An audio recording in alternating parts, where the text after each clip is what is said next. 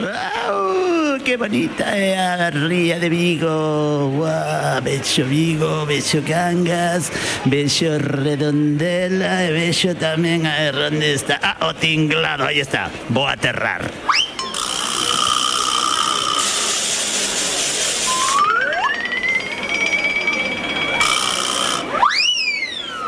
E estou dentro do tinglado. Buah, que tecnoloxía punteira temos en efervesciencia, eh? Atravesas paredes e todo. Bueno, pois que é un tinglado? Pois basicamente é unha movida. É unha cousa, é un edificio que hai aquí no Porto de Vigo, un edificio portuario que ten así aspecto como de lonxa ou de praza de abastos, ten unhas columnas moi ben, todo así moi moi moi sinxelo, moi eh, de certa maneira chic. Hai unhas cristaleiras impresionantes onde se ve, hai unha vista preciosa do Porto de Vigo cos barcos e da outra beira se ve a Praza da Estrela e hai moitos stands hai moita movida, xa dixen antes hai moita movida científica. Aquí hai stands de todo tipo bueno, vou, voume mergullar por aí. Eh, sí, sí, e, e a noite de que ciencia, bueno, que Fame moita gracia a min estes científicos que lle chaman noite algo que comeza de día, pero ben, ala eles.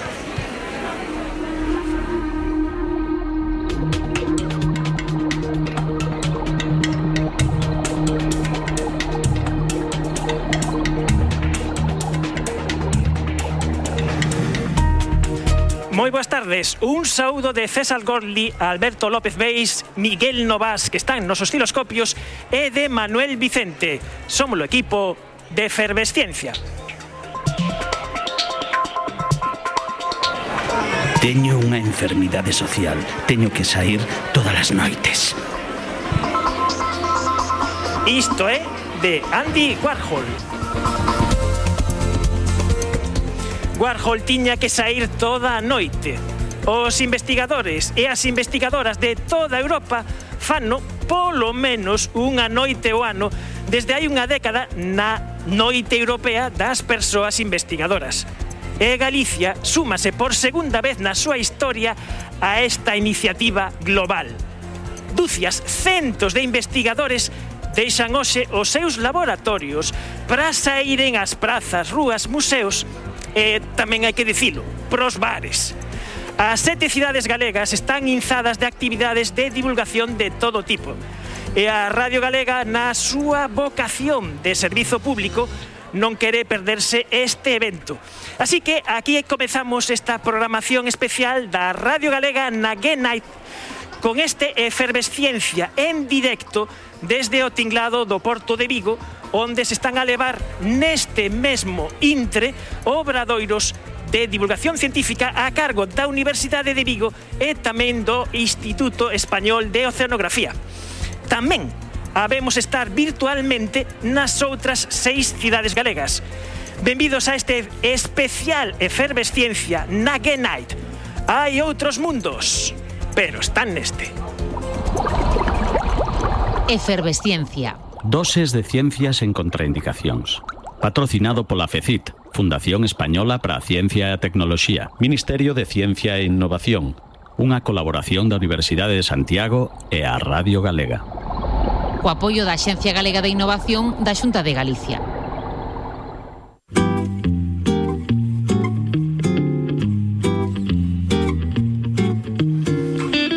E temos a nosa primeira mesa de convidados desde o tinglado no que aterrou a boa de Einstein, chegou no seu teletransporte no tinglado do porto de Vigo. E decimos ao público que nos está aquí vendo en directo que estas cadeiras non son radioactivas, que un pode sentar nelas e, e estar tranquilamente, porque parece que creamos aquí unha burbulla de, de seguridade. O que dicíamos, as nosas primeiras convidadas desta mesa eh, é Mónica Valderrama. Mónica, moi boas, noi moi boas tardes, noites. Bueno, noite dos investigadores, pero ainda de día. Sí, ainda de día. Boas tardes, pois. Boas tardes. Quedamos. Pois moi boas tardes. Eh, Mónica Valderrama é a vicerreitora de Comunicación e Relacións Institucionais da Universidade de Vigo, que é a entidade que coordina todo este proxecto. Tamén temos nesta mesa a Paula Tosar, Moi boas tardes, Paula. Boas tardes. Eh, Paula é a responsable de comunicación e marketing de Gradient. Gradient que é o Centro Tecnolóxico das Telecomunicacións de Galicia. E completa a nosa primeira mesa, pois que roubamos do stand a Fernando de Peroi, que é enxeñeiro de telecomunicacións e encargado de marketing e do proxecto Space Lab da Universidade de Vigo, que habemos explicar o que é Fernando, boas benvido, tardes, boas tardes. Boas tardes, gracias. Eh, e completamos unha mesa realmente moi variada e porque está conosco tamén Victoria Besada, Tolla, Benvida a Fervesciencia outra vez máis tamén. Boas tardes. Moi boas tardes. Ela é eh, investigadora do Instituto Español de Oceanografía en Vigo e coordina as actividades deste centro na, na Gay Night que agora acollemos, salíamos aquí pero na segunda parte habémola facer traballar a reo. E empezamos con Mónica, que é a nosa anfitrioa. E, a noite dos investigadores. E, en toda Europa está acontecendo algo parecido que estamos vendo aquí. Así é, en máis de 300 cidades de toda Europa hai hoxe un día de festa para a divulgación científica, para chegar a unha audiencia, sobre todo a rapazada, que é o que vemos aquí agora mesmo, eh, con un público familiar tamén, porque obviamente os máis pequenos precisan de levar un, unha compañía, non unha guía, para que coñezan o que se fai, como dicía, se hai un intre nos laboratorios, nos centros de investigación, dun xeito pois moito máis eh, pois como o que os que facemos comunicación, o que, que chegue o público en xeral, non únicamente eh, eses papers ou congresos, eh, eh, eh, digamos, xerga máis científica, non? É chegar aquí e que saiban o que facemos eh, neses centros, eh, nas tres universidades, porque aquí están involucradas as tres universidades, eh, bueno, expoño que irán os diferentes protagonistas explicando un pouco irán pasando por aquí, irán pasando por aquí. Pero son moitas eh, entidades que están involucradas para que hoxe teñamos esta esta festividade con este lema que é conciencias creativas, que xoga aí coas palabras de despertar conciencias e vocacións, non? Rapaces e rapazas que pasan por aquí que saiban que hai algo máis que que o que ven no, no habitualmente nos medios de comunicación. ¿no? Uh -huh. Universidade de Vigo, que exerce a coordinación deste proxecto, a da Coruña, Santiago de Compostela, o CESGA, o Centro de Supercomputación de Galicia, Unidade de Cultura Científica do CSIC en Galicia, e o Instituto de Investigacións Mariñas, Instituto Español de Oceanografía, e Gradian, que que xa falamos, a Sociedade Española de Bioquímica e Bioloxía Molecular, o ITMATI, que é o Consorcio Instituto Tecnolóxico de Matemática Industrial. Bueno, a ver, mm, todos son todos os que son prácticamente todas as institucións dedicadas á ciencia en Galicia as liastes, pero para liar a toda esta xente isto non se fai nun mes, nin dous meses máis dun ano de traballo. Exactamente, máis dun ano que empezaba a parte visible, non? Cos preventos que se fixeron en institutos e colexios.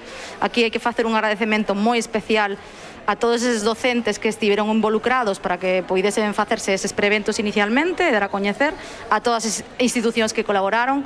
E penso que aquí que tamén nomear a UCC que é a Unidade de Cultura Científica e Innovación da Universidade de Vigo que son as que artellaron eh, día a día con un traballo enorme porque ao final somos persoas eh, un número pequeniño de persoas, mulleres fundamentalmente, uh -huh. que, que fixemos que dende a Vicerrectoría de Investigación máis a de Comunicación e Relacións Institucionais este evento hoxe sea factible nas sete cidades eh, a verdade é que a colaboración foi enorme sin todas esas persoas involucradas sería imposible, así que o agradecemento de eh, bueno, a, os que o fixeron posible.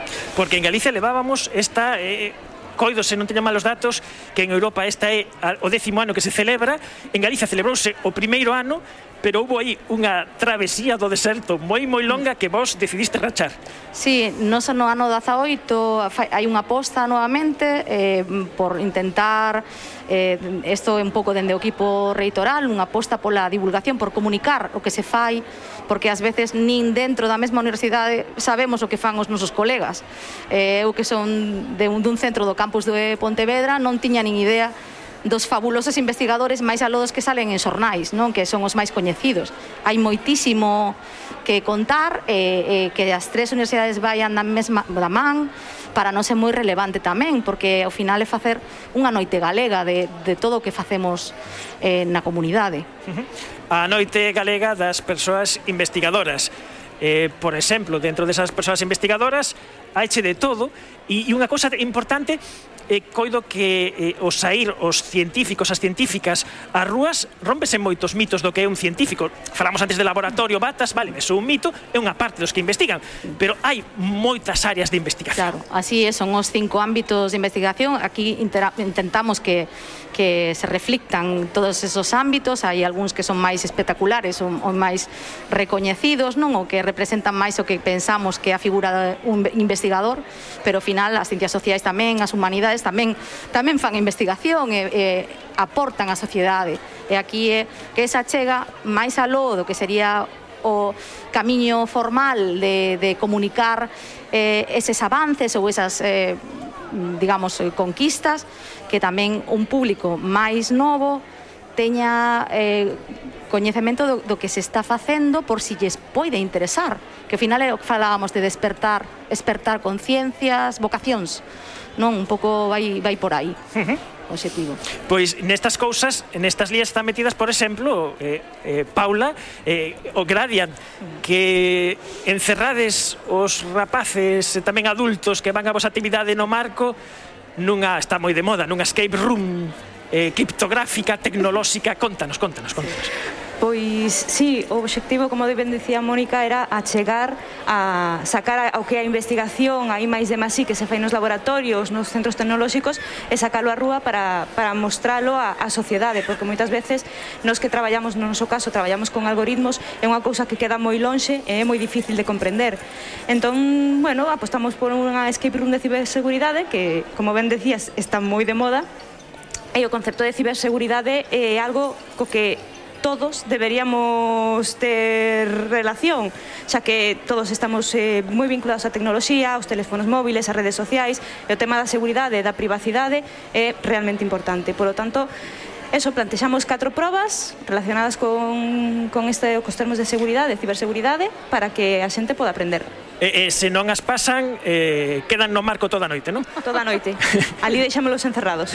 bueno, e, e ese un escape room que eu debería ter feito, porque hai cousa dun ano recibín unha chamada que me chamaba ben personalmente de Microsoft de Londres, e estiven a, a isto a nada de darlle os meus contrasinais a unha persoa que me falaba en inglés desde sabe Deus onde. Eu necesitaba ese escape room de, de Gradient, que, que está facendo no marco e que está, está funcionando agora e que pase como moitas desas actividades que estamos en tempos COVID, moitas das actividades necesitan reserva previa e están totalmente xa cheas, inda que van seguir agora pola noite nas sete vilas galegas, pero están, están, están cheas. Correcto. No noso caso, por exemplo, dende o LUNS temos aforo completo eh, e agora mesmo están no marco miña compañeira co, cun dos grupos participando nas escape rooms e aínda nos quedan dos grupos máis. Uh -huh e, e, e as actividades de, de Vigo, da Universidade de Vigo tamén supoño que estarán Sí, hai algunhas, pois, por exemplo, paseo científico en barco, ya, bueno, da Universidade de Vigo en xeral, porque son mm. a, a todas as institucións, non?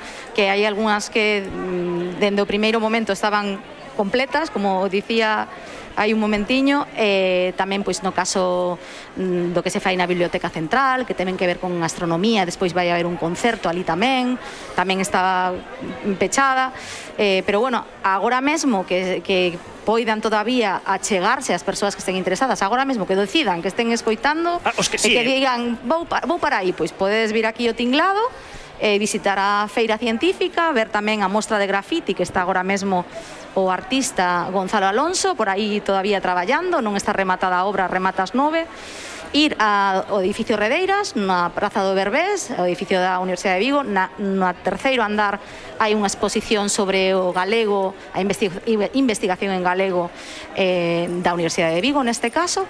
Eh, bueno, esas serían as actividades que están abertas eh, agora mesmo, porque as demais tiñan que ser cunha inscripción previa e aí sí que xa non podemos axudar. Bueno, pois pues aquí no tinglado estamos, e, e temlo montado. E, e se entramos, por exemplo, poderemos ver o, o posto de, eh, da Universidade de Vigo do Space Lab eh, Fernando de Peroi, eh, enxeñeiro de telecomunicacións, eh, vos sodes constructores de satélites. Eh, sí, efectivamente, bueno, ademais do proceso de construcción temos que ter en conta todo o que todo o que hai detrás, non, o desarrollo, o mantemento despois unha vez que a misión está en, en órbita. E o que estamos facendo eh, somos unha asociación estudiantil que está dentro do, do da Universidade de Vigo como outras tantas que hai, que é o objetivo dentro da divulgación é tratar de acercar un pouco máis o mundo real, o mundo máis laboral ao alumnado. E a nosa misión principal é mm, desarrollar un, un CubeSat, un satélite de pequenas dimensións de 10 centímetros por 10 por 20. Que é un litro? basicamente é como un cartón de leite para que nos entendamos todos as dimensións. Sí, máis ou menos. E eh, tratar de, de lanzalo nos próximos eh, dous anos. Que ademais, eh, bueno, realmente coido que o voso ides meter dous cartóns de leite.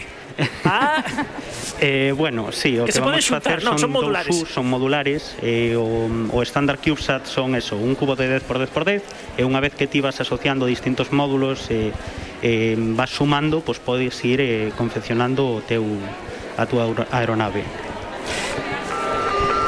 Ah, ah, ah. Isto quere dicir que temos conexións, conexións coas outras vilas galegas que nos van contar como va esta Gay Night. E entramos primeiramente con Lugo. Mercedes Novo, moi boas tardes. Hola, boas tardes. Mercedes Novo, Subenciencia, coordinadora do proxecto de innovación docente Subenciencia. Se había que facer algo na Night en Lugo, tiñades que ser vos. Sí, estamos en todos os fregados, xa sabedes. E, e metestes a xente no cárcere vello.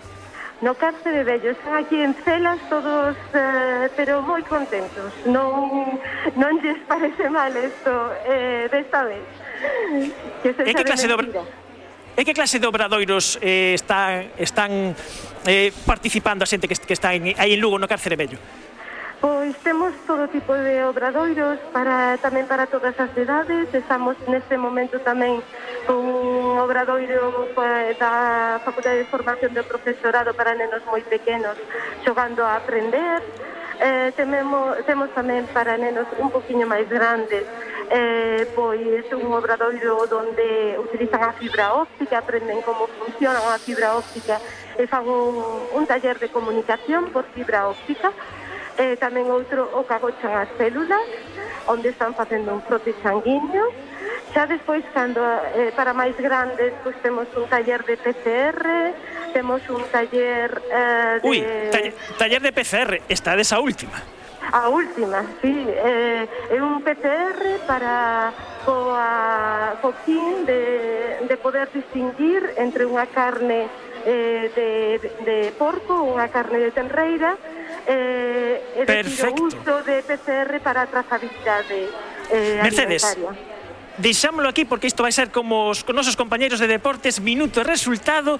Moitísimas grazas, sabemos que no cárcere bello de Lugo estades a xente aí de, de Subenciencia e tamén dos Asociación de Investigadores do Campus Terra Agromar traballando a reo. Unha aperta moi grande aquí desde, desde o Tinglado de Vigo. Moitas grazas. Hasta logo.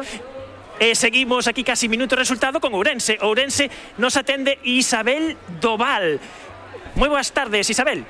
Ola, boas tardes, pero non son Isabel, son Calpurnia Habana. Unha Calpurnia? Drama, unha primeira da que se teñen datos que veo a Ourense a tomar as augas.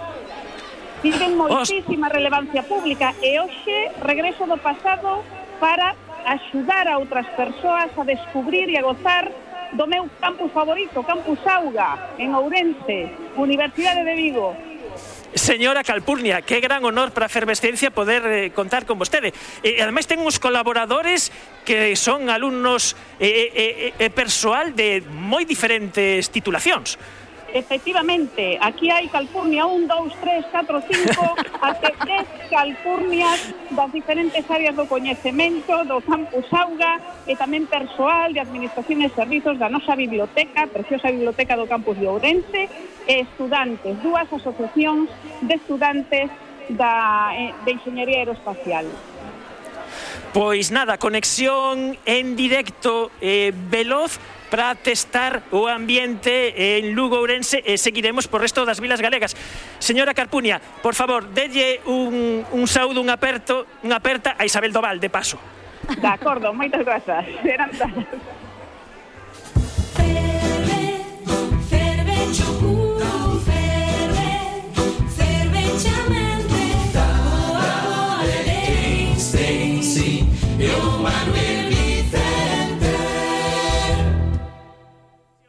Estábamos falando con, con Fernando Peiro Fernando de Peroi, eh, falábamos dese satélite feito por unha asociación de estudiantes no século XIX os estudiantes ian tocar a tuna aquí na Universidade de Vigo lanzan satélites bueno, os tempos van cambiando pero ese satélite leva unha carga útil leva un bicho Sí, efectivamente. Susto Bixo é o nome da nosa próxima misión que pretendemos lanzar nos próximos dous anos, que son as siglas de Baterological eh, Intercommunication Experimental Orbiter. Hai, e o obxectivo... Os eh, miolos que hai que romper para poñelos sí, nomes, sí, eh? Sí, sí, sí, sí. A verdad. E o obxectivo é lanzar unha carga biolóxica ao espacio presurizada para ver o, o efecto que, que ten a, a microgravedade e a atmósfera espacial sobre, sobre esta carga viva. Ajá. A verdad, que interesante, que interesante.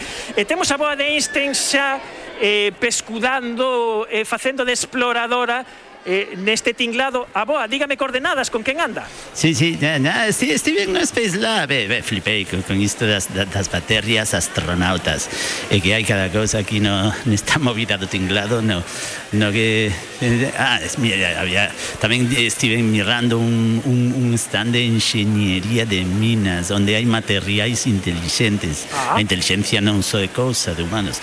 Pero agora estou en toda, en toda feira que se precie hai un stand de artesanía pero non precisamente un stand de oleiros e, e, e cousas semellantes hai aquí unha peza de artesanía única eu penso que no mundo é un coche de Fórmula 1 feito a man na Universidade de Vigo Pero un coche de, de verdade. De verdade, de verdade. Sí, sí, sí, de, de verdade. Auténtico. A ver se me pode atender aquí o o, o encargado, o artesán. E isto poderíamos dicir que é un coche de form, bueno, Fórmula 1 ou que tipo de fórmula, perro de artesanía, non?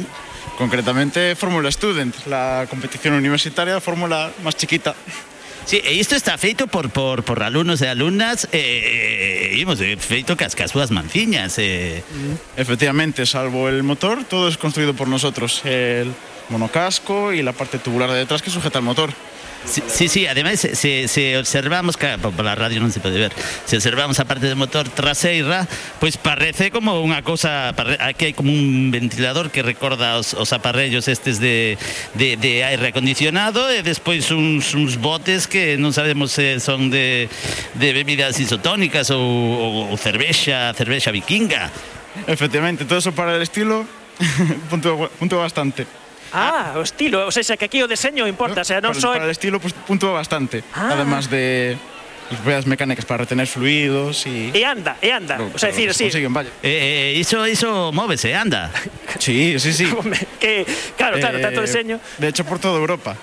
El, el objetivo final es que vaya a todas las competiciones posibles, Alemania, Gran Bretaña, Barcelona, en los mismos sitios que compiten en la Fórmula 1, Silverstone, Montmeló y Hockenheim, por nosotros a escala, a escala más pequeña. E cantos kilómetros colle por hora? ¿Kilómetros por hora? Sí. Pues este en concreto, con el paquete aerodinámico, Calculamos unos 140 km por hora. Un coche feito 140. por alumnos da Universidade de Vigo. Mi madriña. A 140 e a 140 seguimos en efervescencia. Moitas grazas a Boa. Siga buscando polos stands que temos que despedir a nosa primeira mesa de convidados porque Paula ten que ir correndo a 140 por hora o marco para ese escape room de ciberseguridade e tamén aproveitamos para despedir a nosa anfitriora, anfitrioa a, a Mónica Valderrama. E moitísimas grazas por, por acollernos e darnos esta oportunidade de contar o que se fai eh, en todos os centros de investigación de Galicia e por coordinar a estes eh, eh, centros de investigadores. A vos por contalo. Pois moitas grazas. A Radio Galega coa G Night, a noite europea das persoas investigadoras. Hoxe venres de 7 a 8 da tarde, edición especial de Efervesciencia en directo desde Vigo. Centos de investigadores e investigadoras sairán a rúas, museos e bares das sete cidades galegas. Oh, Escolti, onde dis que se pode ir ver en vivo? Podedes nos acompañar en directo no tinglado do Porto de Vigo. Que, que night.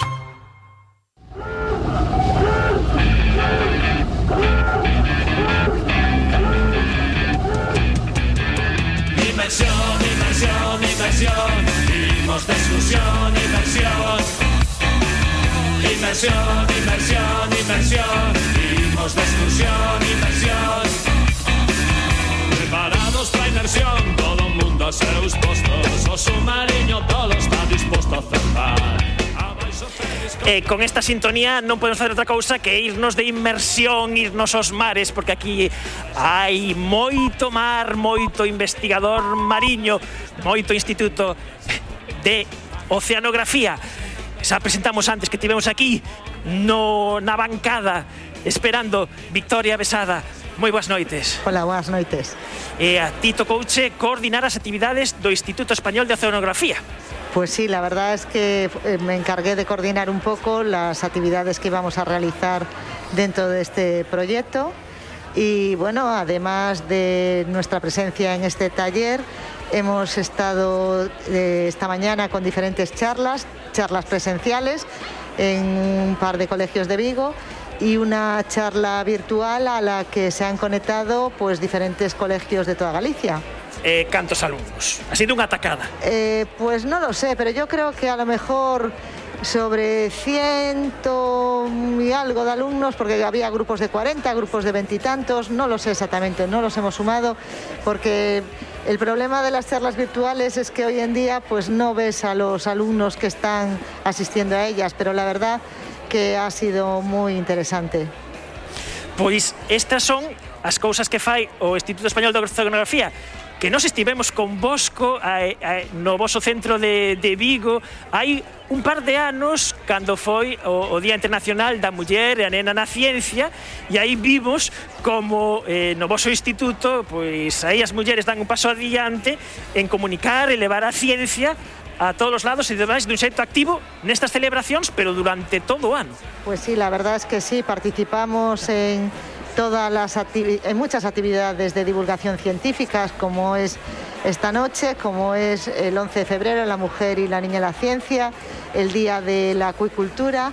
Y bueno, antes me olvidé decir que uno de los platos fuertes que hemos preparado en el, Instituto Español de Oceanografía, en el centro, para esta noche, fue un escape room virtual.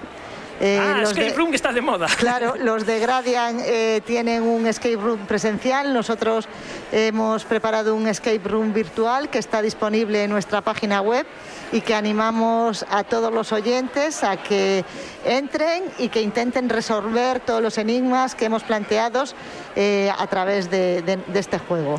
O sea, en este escape room virtual, se non acertas, esto para ordenador, ¿no?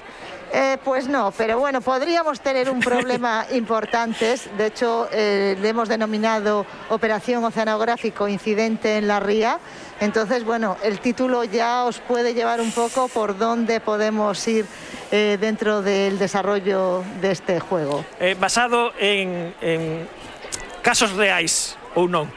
Bueno, medio. Medio, medio, pero la verdad que yo animo a todos los oyentes a que participen y a que intenten resolver eh, todos los, los enigmas y los misterios que les planteamos dentro de esta operación oceanográfico.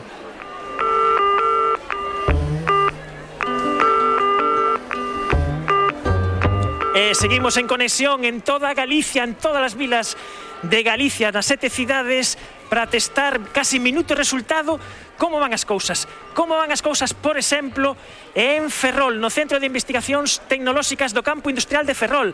Angoset, moi boas noites, moi boas tardes. Hola, hola, buenas tardes. Hola, Ang. Pues, sí. Con, contanos onde estás ti exactamente, que está vendo a xente que visita o vosso centro? Pues eh, todo va moi bien. Eh, tenemos mucha gente ahí, la gran mayoría de las, de las plazas que proponemos a los diferentes talleres, hay nueve cubiertas. Vamos, esta tarde, esta tarde noche hemos cubierto 900 plazas. Y por la mañana tuvimos a los niños de primaria, 100, 150 niños en total. Y muy bien, muy bien hasta ahora. Muy, bien eh, muy buena acogida. eu coido que a xente que vai aí ten que alucinar, por exemplo, coa canle hidrodinámica. Dinos o que é, porque vos tedes aí medio mar para xogar con barquiños. Sí, sí, tenemos, tenemos un canal de ensayos hidrodinámicos ahí, eh, donde se pueden generar olas. Y en el taller que proponemos, en el, en el CID, pues se generan olas y se ven como un, un barco a escala pequeña aguanta estas, estas olas. Entonces, bueno, el, el, público puede ver con diferentes tipos de ola qué pasa con los, con los modelitos. Es como una, bueno, un canal de 50 metros de largo, es bastante impresionante, la verdad. Ba barcos para xogar cos barquiños e tamén cos avións. Tamén xogades. Sí, con los aviones también tenemos un túnel, un túnel de viento pequeño, pero en ello pues pudimos poner un, un ala de avión que hacemos volar, que se eleva, entonces hacemos apuestas con el público a qué velocidad de viento se va a levantar el, ala- el ala de avión y tenemos también un modelo pequeño de avión que hacemos volar ahí en el, en el laboratorio. Eh, es un taller que tiene muchísimo éxito con los, con los niños. Perfecto, moitísimas grazas Angoset desde Ferrol e tanto éxito como que agardamos este atendo neste momento en Pontevedra. Juan Picos, boas tardes. Hola, boas tardes. Juan Picos é o director da Escola de Enseñería Forestal da Universidade de Vigo. E vos, que sodes enseñeros forestais, sodes arrichados para adiante, da igual a predición do tempo que diga que vai a chover, vos saídes para fora o Parque das Palmeiras. Aí estuvemos, facendo un xemelgo digital con tecnología láser, eh, aquí en directo no, no Parque das Palmeiras, a ratos con sol, a ratos con lluvia, pero bueno, somos forestais. Vale, vale. E, e, e o que facedes vos, mira, eu teño ido co meu avó ao campo, el miraba aí pros eucaliptos e decía, non se cantas toneladas. Eu creo que non aceptaba ningún. Vos levades aí o líder e vos eh, tirades o dron e o facedes, eh, como quen diría, mallado o facemos co dron, o facemos co láser escáner e incluso un láser portátil que te leva na man. Co cual temos tres maneiras de facelo, así máis fácil aceptar. Uh -huh. eh, fixestes tamén un, unha recreación 3D de todo o vosso entorno. Sí, capturamos, aquí ca axuda de, de, dos asistentes que están vindo, eh, fixemos a captura de todo, de todo o parque, eh, e a verdade é que despois fixemos a recreación en 3D, eh, bueno, pues, a xente sorprendeuse bastante de ver con que fidelidade como que de, de capturar este, este entorno. Pois Juan Picos, moitísimas grazas por contarnos como está sendo desde Pontevedra esta Genite. Night. Muy ben, aperto. Pon aperta. Ciencias en ciencias en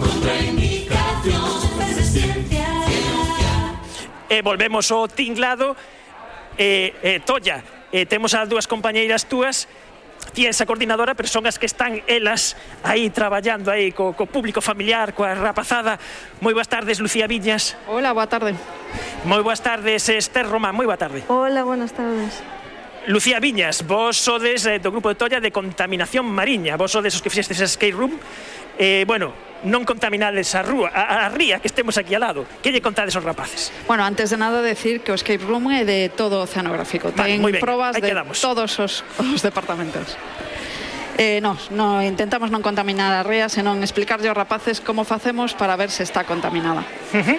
eh, facedes es, unha experiencia de facer cromatografías que se pode facer aquí con material prácticamente caseiro e ver como se poden separar componentes que logo o principio é exactamente o mesmo que los vos utilizades no laboratorio para estudar os contaminantes da ría. Eso, eso que tratábamos de, de eh, acercar o que é a cromatografía aos rapaces eh, enseñarlle con unha cousa moi sinxela como é un rotulador e un pouco de alcohol como se pode separar os compostos e eso mismo, ese mismo principio é o que aplicamos nós no laboratorio uh -huh. E logo tamén eh, lles enseñades cuestións de fluorescencia non sei, non invitades os nenos a gin tonics, non? Non, pero usamos a tónica, por suposto ah, que é vale, o máis conta, fácil conta. para ter fluorescencia. Pois ensinamos eh, cousas que aparentemente non, non son distinguibles, como a auga e a tónica, eh, como cando aplicas unha luz ultravioleta, eres capaz de distinguilas. Eh, a verdade é que están alucinando. Uh -huh. E, e a culpa é da quinina. Sí, é a culpa da quinina. E todos les parece que é unha cousa peligrosísima e que ese bote azul é mellor non tocalo. Ah. Pero soe tónica. e, e, vos, o mellor fadedes experimento, mira, imos, non somos científicas, ímolo beber. Claro, claro. Que vexades eh, aí. Facemos de todo. Eh, os rapaces din, non, non bebas, non bebas. Pero non pasa nada. Eh, Esther, eh, vos eh, sodes eh, xente que facedes eh, campañas, sodes do grupo de, eh, de pesquerías lonxanas. Eh, é fácil contarlle a un neno a que se dedica, a que facedes vos cando estades embarcadas durante meses facendo esas vosas campañas oceanográficas? Bueno, sí, es fácil. Eh, les explicas a nivel muy, muy básico lo que se hace en una campaña. Es decir, pasamos muchos meses a bordo de un barco, le decimos lo que navegamos. Es decir, nosotros hacemos campañas en Terranova, tenemos que navegar siete días para llegar allí, al punto de pesca. ¿Cómo pescamos? Es decir, si echamos la red, los plomos, me contaba antes un, un rapaz, me decía, ¿y le ponéis plomos? Pues sí, porque pescamos a más de 1500 metros, a veces hasta 1500 metros, y para que el arte baje al fondo, tenemos que poner, hay, tiene que plomos, ¿no? Entonces le explicamos cómo cogemos los peces y qué le hacemos una vez que están en, a bordo y después en el laboratorio. Y una de las ramas más importantes que le estamos explicando es que yo también trabajo en crecimiento. Entonces, ¿cómo le preguntamos a los peces cuántos años tienen? Porque como decía antes el de forestales, es necesario saber cuántos kilos o toneladas de eucalipto hay, pero en el mar también hay que saber cuántas toneladas de peces hay de cada especie para poder después asesorar y que se den los tags y se pueda coger o no. Y. Entonces nosotros lo que hacemos es pues ver el sexo, es decir, cuántos hembras hay, cuántos machos hay, cuántos años tiene y les explicamos eso, cómo se ve la edad. E como, lle preguntas, a ver, a ver, como lle preguntas a idade a un peixe, porque xa que quedou Claro, coa yo, le yo a los rapaces más pequeños le digo, ¿cómo le preguntamos a un pez? ¿Le podemos preguntar a un pez cuántos años tiene? Claro. No.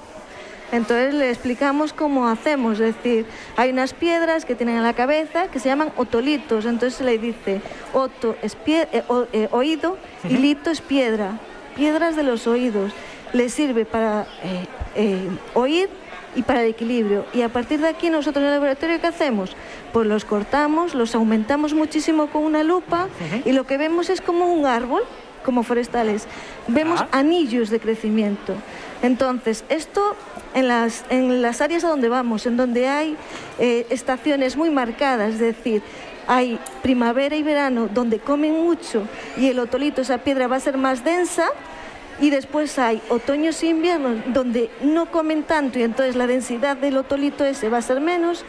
Cuando lo pones a una lupa y lo iluminas, lo que estás viendo son anillos, anillos claros y oscuros. É, é como as árbores, a dendrocronoloxía, pero en peixes. Pues también la hay para peces, sí.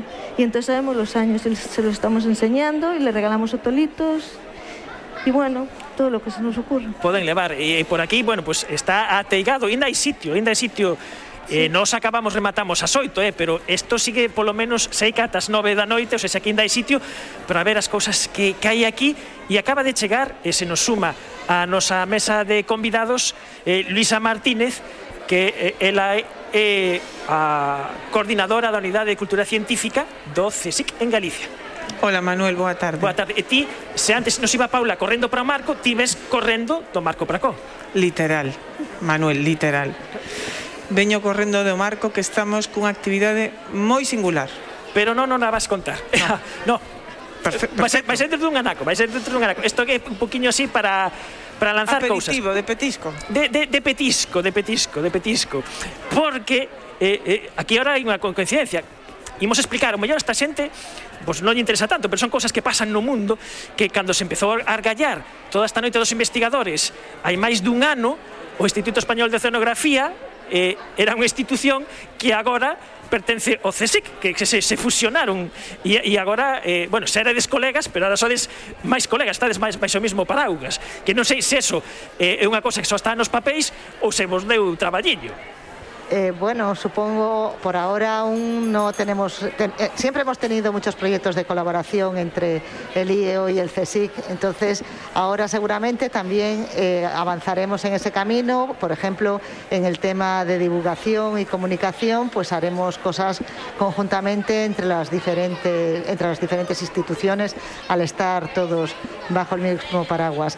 Y si me permites un momento que me he olvidado de comentar, tenemos otro taller más aquí en el tinglado del oceanográfico, que es el taller de fitoplancton, donde nuestros compañeros le están explicando pues, a la gente que está por aquí por el tinglado pues, la diferencia entre una marea roja y una marea tóxica, explicándole los, que, los diferentes tipos de, organismos que pueden vivir eh, en el fitoplancton marino. Pois, ese tema me parece tan interesante que non sei que ata eh, estou pensando que no vindeiro eh, efervescencia xa en horario habitual os mércores ás 9 da noite na crónica e xa que este foi un ano excepcional de ardoras que vimos unhas ardoras que nunca víramos na nosa vida. Bueno, eu nunca vira nunca. Esta vez así por primeira vez pois imos, imos coller e secuestrar algún dos vosos investigadores xa adiantamos para que nos conten estas cousas así do, do fitoplancton eh, o, o CSIC en Galicia, unha chea de actividades, eh, eso de Neuston imos falar dentro dun anaquiño,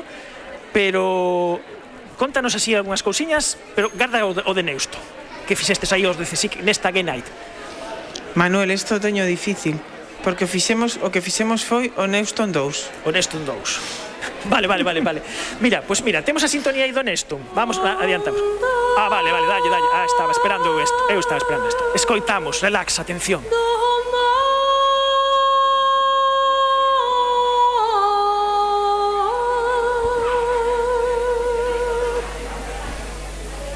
Mónica de Nut.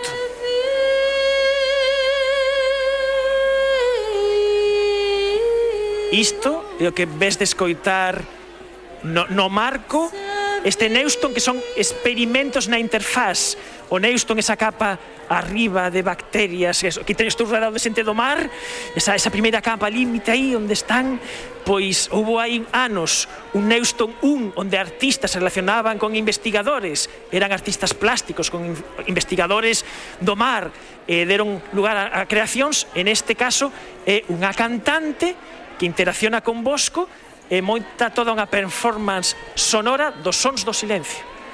Efectivamente, Manuel. Nesta segundo, neste segundo experimento do Neuston, eh, o protagonista é o son da man de Mónica de Nut, que mm, interacciona cos, con persoal científico e técnico do Instituto de Investigacións Mariñas. Digamos que o experimento ten dúas fases. Eh? Eh, contanos, contanos. Primeiro unha primeira fase na que invitamos a Mónica a vir ao Instituto de Investigacións Mariñas. Entón ela visitou os laboratorios e falou coas persoas implicadas no experimento, que lle contaron como era súa, o seu día a día e presentaronlle sons que hai normalmente no laboratorio e que para o mellor casi para nós, sí. pasan desapercibidos, pero que realmente son moi interesantes. Entón, a partir desa primeira visita ás instalacións do IEM, Mónica traballou eh, esa performance que está facendo agora no Museo Marco. Uh -huh. eh, dúas dous pases únicos que logo se quedarán registrados en vídeo e os que estamos agora neste momento traballando poderemos disfrutar desa experiencia senlleira. E, e voulle dicir a Boa que vai ao final do tinglado é que hai un mural que, que está facendo un artista e si nos pode descifrar e contar que o que se ve, que é un mural que a verdade que cando empezamos e chegamos esta tarde estaba medio facer e agora está prácticamente completo. A boa! Sí, sí, aquí esto. Mira, antes querría Sí, sí, sí. Conte, sí. conte, conte. No, quería contarte que antes estuve en una cámara de estas de que, que se ve a temperatura corporal, como as dos Predators. E descubrí unha cousa, que o dito ese de que as cousas son segundo acordo cristal con que se mira non é certo, porque pos un cristal e non se ve nada. O sea, xa tes unha armadura de vidro e o Predator non che come. As cousas que se aprenden. As que se aprende, sí, sí, con radiación infravermella o, o Predator non te come e ademais unha explicación fácil fantástica do que significa o efecto invernadoiro. Sí, xa estou, xa, eh, xa cheguei, xa cheguei aquí a zona a zona de dis graffiti Eu, ve, eu vexo un artistazo, pero non de graffiti, é un artistazo de, de pincel e, e brocha non vou dicir gorda, pero... Hola, eh, Gonzalo. Sí, hola, que tal? Hola, que tal? Mira, eh, está pintando un mural claro, moi moi científico, unha ilustración onde se ve unhas eh, unhas mulleres dentro dunha especie como de telescopio de Sí, de observatorio, por decirlo de alguna manera. Uh -huh. E hai un señor así á esquerda que parece o o xefe. Isto recordame unha historia dun mal chamado, un nome horrible, Arren de non sei que, non, Manuel? O Arren de Pickering. Ah, o Arren de Pickering, non? Pues este no, este quien viene siendo es Fraunhofer. que fue el que eh, descubrió, en base a la descomposición de la luz, las líneas de Fraunhofer. Estas líneas luego sirvieron pues, para desarrollar lo que es pues, hoy por hoy el láser, por ejemplo. Ah, e, e por eso nun, nun curruncho vense aí como un arco da vella, un espectro e Franjos, Franjoser descubriu que había luz que non se vía e que entaba precisamente esa luz, esa la radiación infravermella da que falaba vostede antes. Está todo fiado, pero hai unhas mulleres aí que están cunha especie de lupas mirando un, como unha especie eh, non sei, de sí, placas. son unha, é unha, un híbrido entre unha, un, unha pizarra destas, destas eh, de, de demandas antigas que se levaban os coles eh, pero, pero non, parece máis ben unha cousa como de proxectar fotografías antigas e están mirando con lupa uns puntos brancos que, que, que significado ten todo isto? Pues esos puntos blancos vienen siendo las estrellas. Porque esta mujer, por ejemplo, pues se dedicó a catalogar, al igual que Henrietta, pues se dedicaron a catalogar todas esas estrellas. Puesto que como era una mano de obra barata, la mujer en aquella época pues las tenían pues para clasificar. Pero hubo mujeres que destacaron, como fue eh, Cecilia Payne, que también pues currando un poco pues en pues en esa marginalidad ¿no? en las que estaban pues fue la que descubrió que eh, la mayoría de las planetas y de las estrellas están formadas de hidrógeno. Que somos nos muy fans. Antes no se sabía, ¿no? no Entonces, somos... bueno, pues ahí están. No somos muy fans de Cecilia Penn. Hai un libro maravilloso que chamase El universo de cristal de Dobel, no que conta precisamente toda esta historia. Entonces eso do, do, do, do que se chaman as computadoras de, de Harvard. E moitísimas grazas a Boa, moitísimas grazas Gonzalo. Seguimos.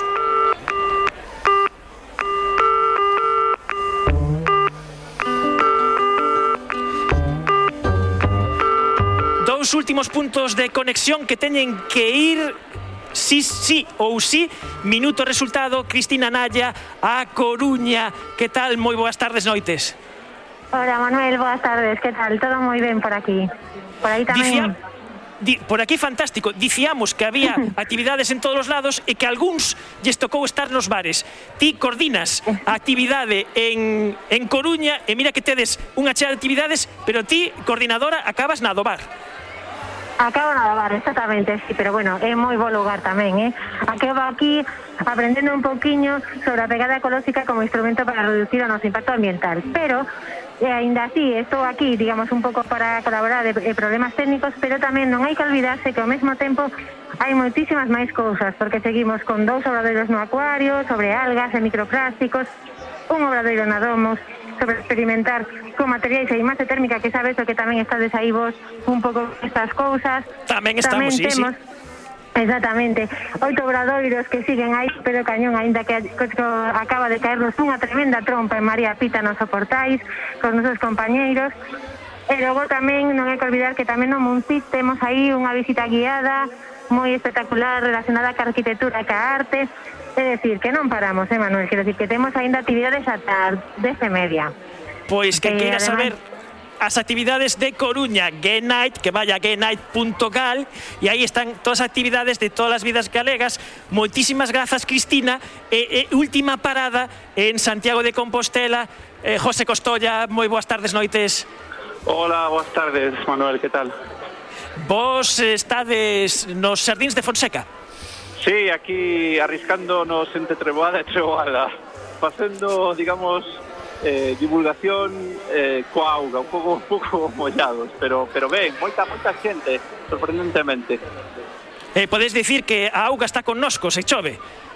Sí, sí, de feito vamos entre unha treboada e outra, imos, imos aquí, pero ben, ben, moita xente, é eh, o que nos sorprendeu, sobre todo porque eh, co que nos está caendo e arriscamos a facelo nun xardín, un sitio moi moi bonito no que no que estamos tendo desde eh, pequenas eh, charlas, monólogos eh, acompañados con un montón de obradoiros no que tanto grandes como pequenos están disfrutando un montón. Pois ainda hai tempo de achegarse. Eso último e, e pechas. Moitísimas grazas, eh, José. Nada, boa tarde. Un aperta. Unha aperta.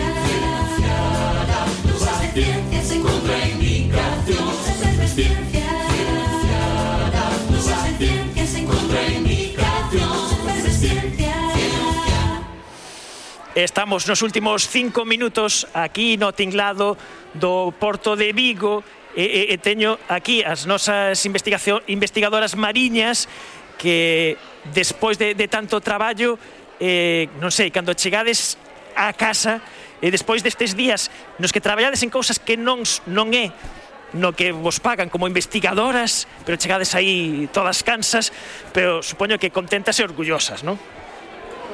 Porque unha parte moi importante do noso traballo é que a xente saiba o que facemos e poder contar o, o que estamos a facer e, eu penso que é moi bo para nós e para a sociedade. Uh -huh.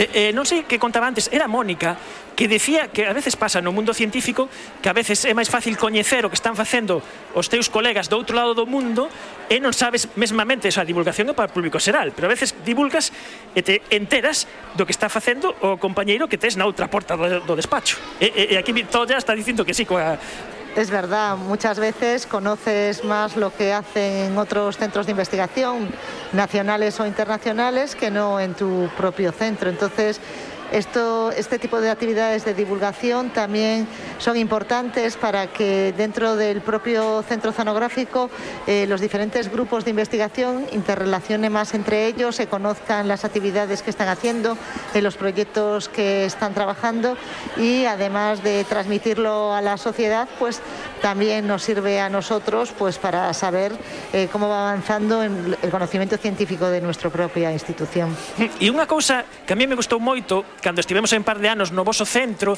e que vos, cando saídes afora e contades o que facedes, tamén explicades que o traballo que se fai nun centro de investigación é un traballo en equipo e que ese traballo o fan diferentes eh, actores, como quen di, non?